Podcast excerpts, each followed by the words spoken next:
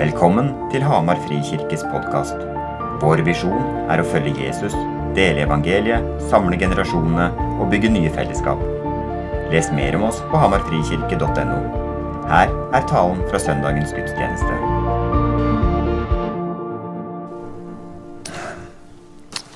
Så bra. Ehm, jeg heter da altså Eirik Austeng og jobber her som hovedpastor. Jeg skal starte med å si litt om, eh, om meg sjøl. Fordi eh, jeg tror det Dere skal bare vente og se, så skal dere få se at det er en god parallell i, eh, i mitt liv til det jeg skal snakke om i dag. Jeg er minst i en søskenflokk på tolv og er tvilling. Og eh, fra, fra jeg, jeg husker så vidt at vi var seks stykker av de tolv søsknene som bodde hjemme. Så jeg ikke vokst opp med liksom, at vi var tolv hjemme. Jeg husker så vidt at vi var seks, og fra jeg var rundt tolv år, så var det meg og min tvillingbror som bodde hjemme. Det betyr da at jeg har ganske varierte relasjoner til mine søsken. Fordi jeg husker dem jo ikke fra jeg var liten. Det, det var noen som kom hjem til jul. Eh, og kanskje vi dro og besøkte dem i Drammen eller et eller annet annet sted hvor de bodde. Så jeg har ganske varierte relasjoner til min familie. Noen kjenner jeg godt, noen kjenner jeg knapt. Andre har jeg måttet bli kjent med gjennom tenåra og opp i voksen alder. Eh, det er forskjell på de som bodde tett på meg når jeg var tenåring, og de som flytta til området her, eller når jeg flytta til området her. Jeg har matt søsken, for å si det sånn og ganske varierte relasjoner.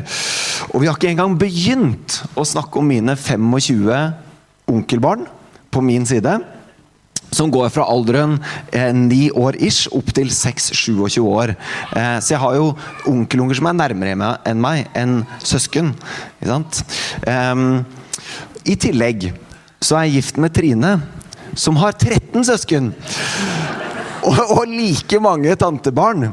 Så i min og Trines kjernefamilier, i vårt måte, nærmeste, så er vi 90 stykker. Det er mer enn en gjennomsnittlig menighet i, Nor i Norge. Um, så, så, dette kan jo bli krevende selv for en sosial og relasjonell type som meg. Og så er jeg jo litt introvert. Og det hender at jeg bare tenker åh, jeg er så lei folk. Um, så 90 stykker, da, det er jo min kjernefamilie. Så vet dere det. Vi har jo alle et slags ideal av hvordan en familie skal se ut. Gjerne forma av Disney. Ikke sant? Den her lekne, nære, tette familien som er konfliktfri, og som i hvert fall har en bikkje i tillegg, som oppfører seg bra. Så vi har jo et bilde av hvordan familie skal se ut og funke. Ikke sant? Familie på sitt aller beste, det er utrolig vakkert. Familie på sitt verste, det er noe av det mest smertefulle vi kan erfare. Og når du, Det kan jo se for dere, da. 46 stykker, 45 stykker, det er min kjernefamilie. Det, er jo ikke, det, er ikke, det, det blir jo ikke friksjonsfritt, for å si det på den måten. Eh, og så skal jeg ikke si mer om det. Poenget er at vi har alle et slags bilde av hvordan familie kan være. Og så er det så kjipt når det ikke blir slik. Og Hvis jeg hadde levd ut dette idealet om den der perfekte familien med min familie og Trines familie, da hadde ikke jeg hatt tid til å gjøre noe annet. For det å pleie så tette, gode, varme og vakre relasjoner til 90 stykker i alderen 9 måneder, til pappa da, som er 82 Det er jo hele livet, det. Jeg har en fulltidsjobb med litt sånn terapikompetanse og lekkompetanse. Og, og er, altså jeg kunne jo vært pastor i min egen familie. Og det hadde vært en fulltidsjobb. Det er jo, kanskje, jeg skal, kanskje jeg skal be om Syns familien skal gi meg givertjeneste.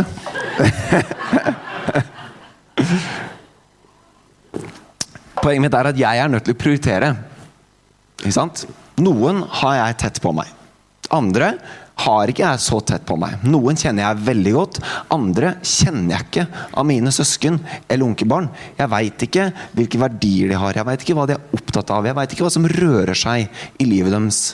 Men når jeg treffer dem, så er de familie.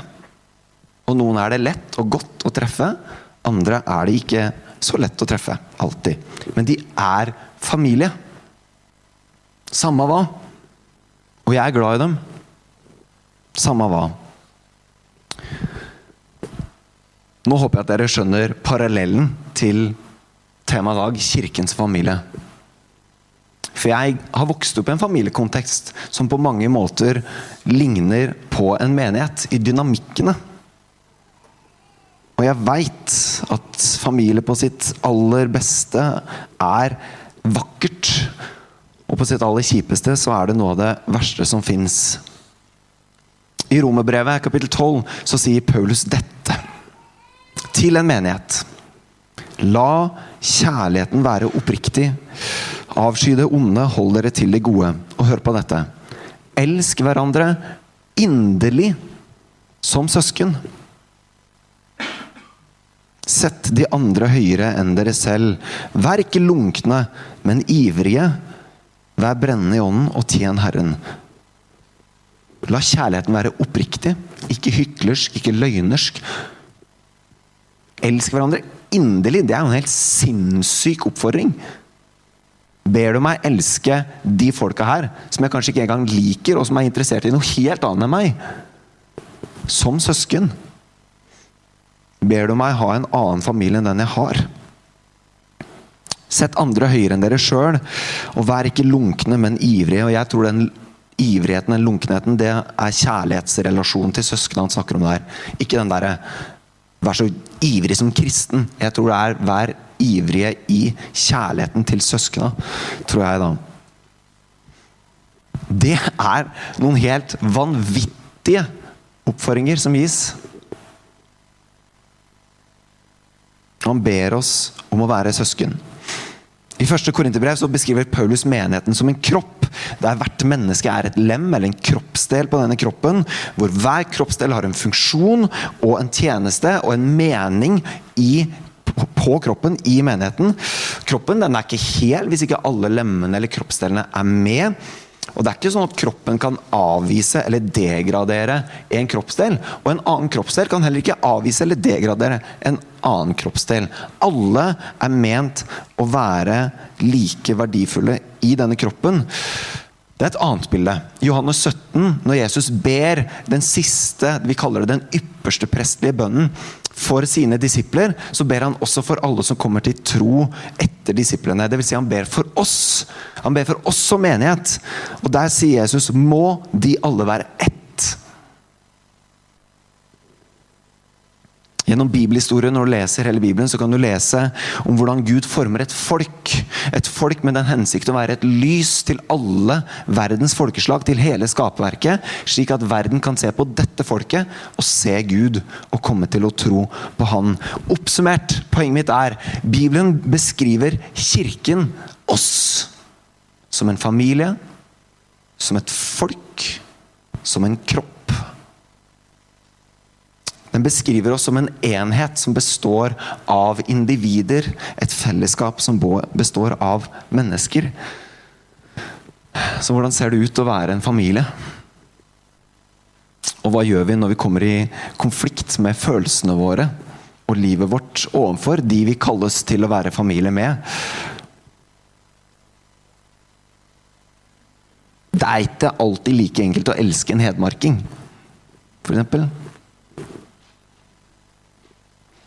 I mai så leverte Vid høgskole de leverte en forskningsrapport til Den norske kirke, der de hadde undersøkt hvordan menigheter i Den norske kirke klarer å ta imot migranter og nye landsmenn.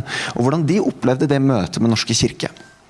Eh, og Noe av det som kom fram i den rapporten, her, det var at det gjøres utrolig mye bra arbeid i Den norske kirke for migranter og nye landsmenn.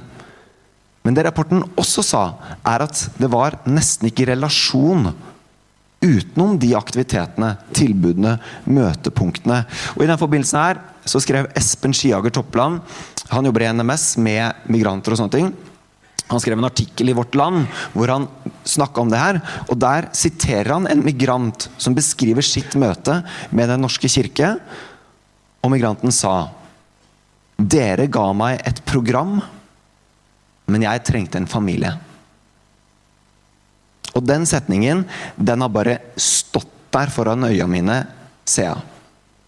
Dere ga meg et program, men jeg trengte en familie. Og så tenker jeg Den opplevelsen tror jeg det er flere enn migranter som har i møte med norske kirker og menigheter, også i det frikirkelige.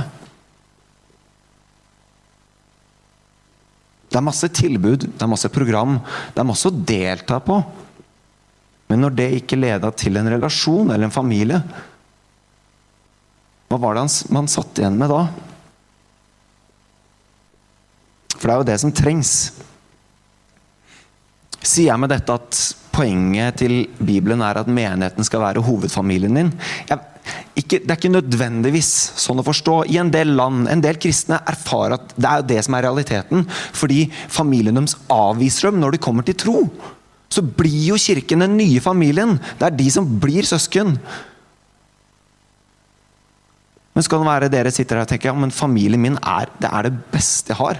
Ber du meg ha en annen familie? Nei, ikke nødvendigvis. Og jeg sier i hvert fall ikke at kirken skal være den eneste sanne, rette familien. For da tar vi et steg inn i det sekteriske. Så vi skal ikke ha et usunt forhold til dette. Det skal ikke bli altoppslukende. Men det jeg prøver å sette ord på, er noen holdninger. I Skandinavia, i Norge, i møte med kirke. Og jeg sender igjen de holdningene i meg sjøl, i oss og i den skandinaviske kirke. Nå skal jeg gi oss en kulturanalyse. Forenkla på to poenger. Det ene er et kollektivt poeng, og det andre er et individuelt poeng. Så la meg si litt om dette. Det første poenget en programstyrt kirke sammenligna med en relasjonsorientert kirke.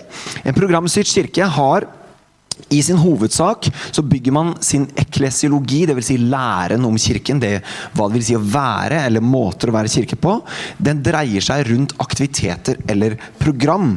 En programstyrt kirke jobber hovedsakelig med å opprettholde aktivitetene. Målet er at dette vi gjør, er det vi gjør, ikke det vi er, men det vi gjør, er så meningsfylt. Så målet vårt er å sørge for at det fortsatt eksisterer. Så i den grad man snakker om frivillighet og tjeneste, så snakker man om det knytta til det som skjer i kirken. Gjerne gudstjenesten. Vi må sørge for nok folk i lovsang, nok folk i vertskap, nok folk til å bake kaker. Nok folk, nok folk, nok folk. Og man måler kirkens vekst basert på deltakelse i disse aktivitetene. Eh, hvor mange, hvor mange, hvor mange? Den beste måten du kan avsløre en kirkes grunnholdning, dens grunnfilosofi, er å se på hva de måler. For det du måler, viser hva du er opptatt av. Hvor mange kirker i Norge måler hovedsakelig hvor mange som kommer på gudstjenesten, og hvor mye de gir? Inkludert Hamar frikirke. Vi måler mer, men vi teller også dette.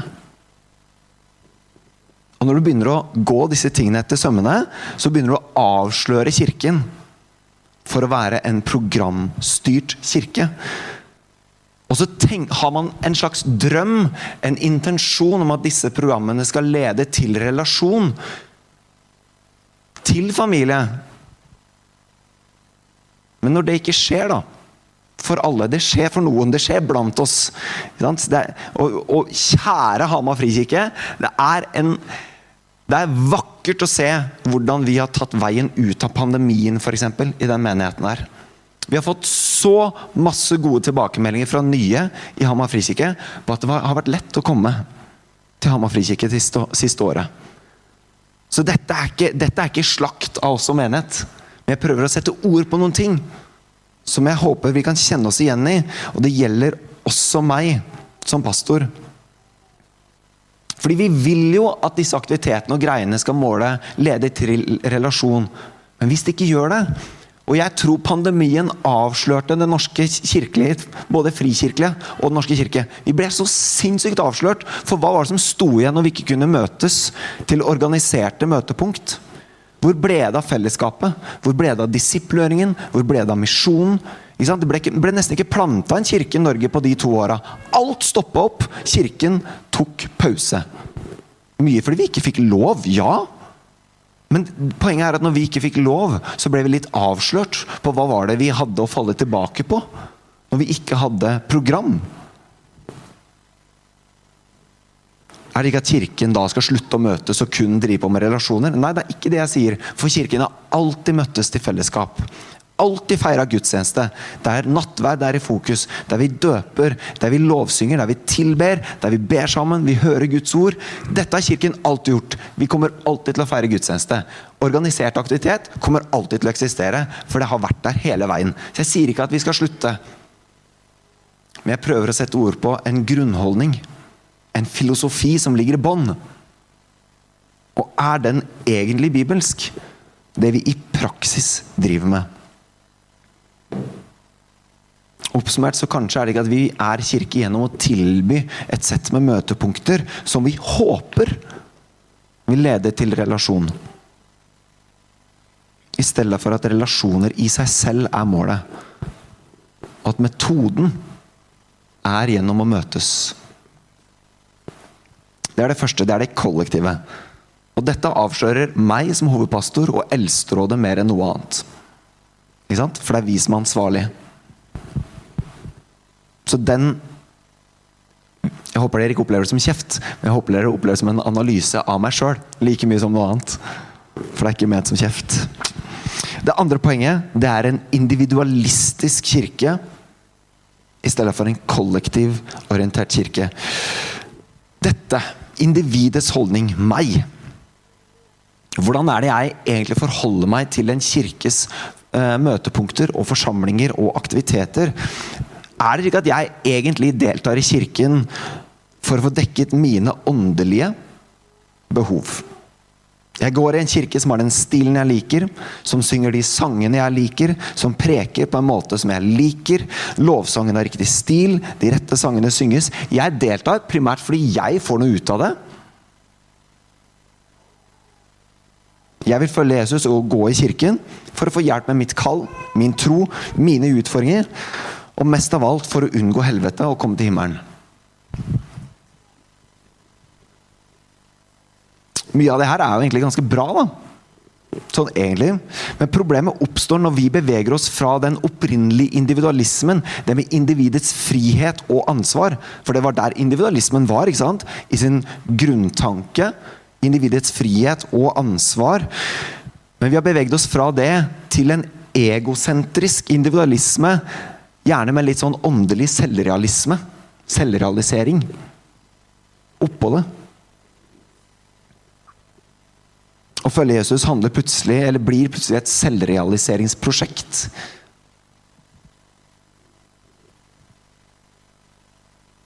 Igjen da gjerne med det motivet å komme til himmelen og ikke helvete. Problemet er at når jeg leser Bibelen, så klarer ikke jeg gjenkjenne det.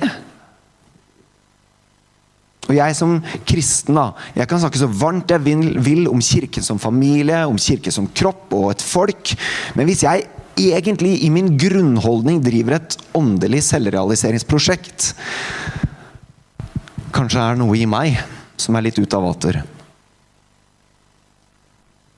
Jeg tror at med disse to poengene så har jeg på en veldig generaliserende måte analysert norsk kirkeliv.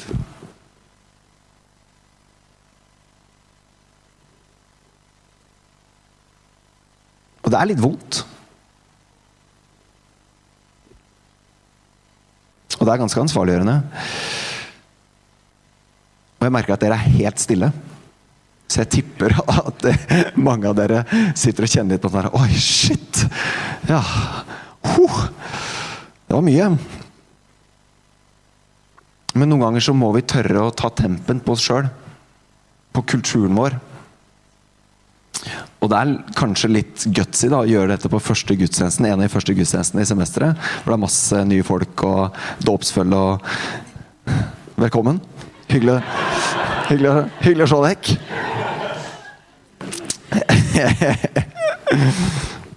Bibelens visjon om menigheten som en kropp, menigheten som en familie, menigheten som et folk, den utfordrer det kollektive og individet. Så hvordan være familie, da? Hvordan ser det ut å elske hverandre inderlig som søsken? Hvordan skal man gjøre det når man er så travel? Hvordan skal man gjøre det når man er sosialt overstimulert, som jeg har vært i hele sommer? på Frikirka sommerfestival, lørdagen, hoveddagen, så satt jeg så på film jeg på rommet. For jeg var så overstimulert at jeg tenkte nei takk! Og jeg er pastor, liksom. Er jo, jeg var så overstimulert. Jeg hadde ikke sjans, liksom. La meg slippe folka. Så stakk vi på hytta og var noen dager alene. Så var jeg good to go. For jeg er litt introvert, da. Så jeg var sånn her ah, krise. Men hvordan skal jeg, hvordan skal jeg elskes elske dere som søsken når det jeg kjenner på at jeg har så mange relasjoner? Jeg har 90 stykker i familien min!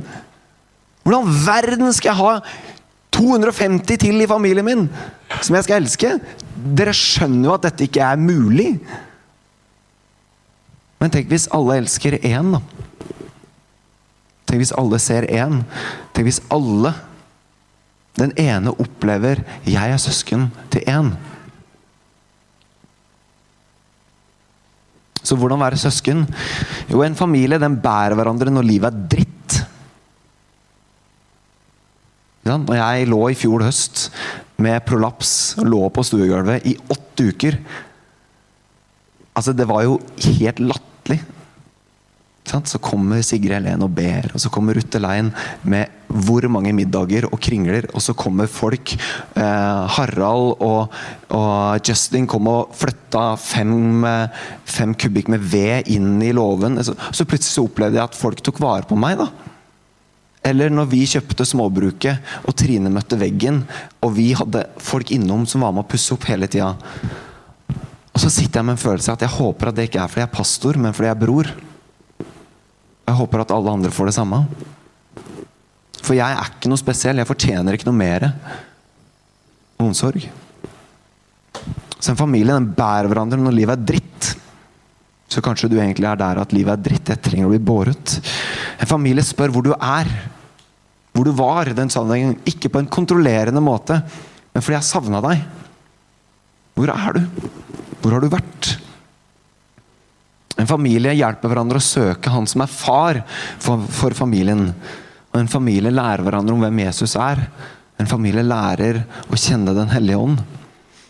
Denne kroppen, denne familien, viser i praksis, ikke med ordene våre, men i praksis at alle er like verdifulle og har en plass på kroppen. En familie strekker seg utover programmene, for det er et slektskap som varer uka igjennom. En familie den setter av tid til hverandre. Noen ting er nødt til å prioriteres. Hva er viktigst?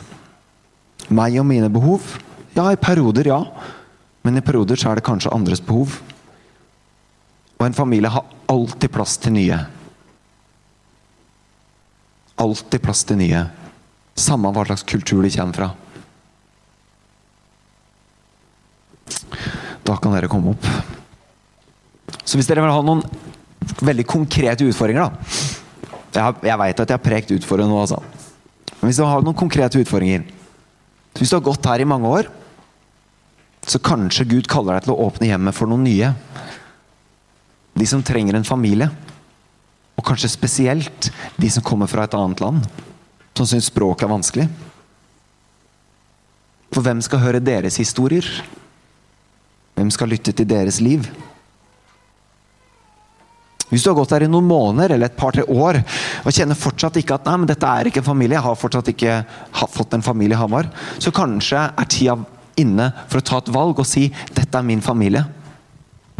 Jeg er ganske fersk, men dette er min familie. Ta et valg, gjør en prioritering. Slutt å shoppe menigheter for de av dere som skjønner det uttrykket. Ta et valg. Eller hvis du er ny i denne byen, ny i menigheten, så ønsker jeg å si dette. Hamar frikirkes visjon er at vi følger Jesus sammen. Vi deler evangeliet. Vi eh, samler generasjonene, og vi bygger nye fellesskap. Det er, vår, det er vårt hjerte som menighet. Og det innebærer en livsstil. Det innebærer et liv at vi følger Jesus sammen. Så neste uke så skal Eirik Fjelstad snakke om hvordan det ser ut i småfellesskapene. Hvordan komme tett på hverandre. Men hvis du er ny i byen eller ny i menigheten og har lyst til å gå den veien sammen med oss, så er du så veldig, veldig, veldig velkommen. Og Hvis du ser rundt deg og ser at nei, her er det ikke plass til flere, så kanskje du kalles til å starte en ny kirke. Hvis du er ny og kjenner at denne menigheten den oppleves trygg og god, den oppleves litt utfordrende akkurat nå, men den er litt spennende også, så kom og bli en del av familien. Og så kan være du sitter her og kjenner at det å bare snakke om familie, det er så vondt. Så jeg vil helst ikke at du snakker om det. Kanskje tida er inne for en forsoning i familien. Jeg veit ikke. Skal vi reise oss, og så skal vi be sammen. Når vi går inn i en lovsangsavdeling nå, og vi skal synge en del sanger sammen, så er det mulighet for å gå til korset og legge ned en stein ved foten av korset. Tenne lys i lysgloben. Under galleriet bak så vil det være forbønn for noen. Eller hvis du har lyst til å bli bedt for, eller bare bli velsigna, så gå til forbønn. Men la oss avslutte med å be sammen. Herre, her er vi. Med hele oss. Med hele vår historie, med hele vårt liv. Her er vi som en liten del av din store kropp. Her er vi som familie. Her er vi som søsken. Herre, jeg ber om at du skal lære oss hva det vil si å være søsken. På en måte som er, leder til frihet. På en måte som er trygg og god og bærende. Ikke, eh, ikke degraderende, ikke selvutslettende. Lær oss hvordan vi skal bære hverandre, hvordan vi skal gå sammen gjennom livet. Herre, takk for at når vi kjenner at ah, her er det noe som stikker, så tar du imot oss med åpne armer. At du møter oss med ditt varme, gode blikk. Så kom og lær oss, Gud. Trenger deg. Amen. Skal vi synge sammen?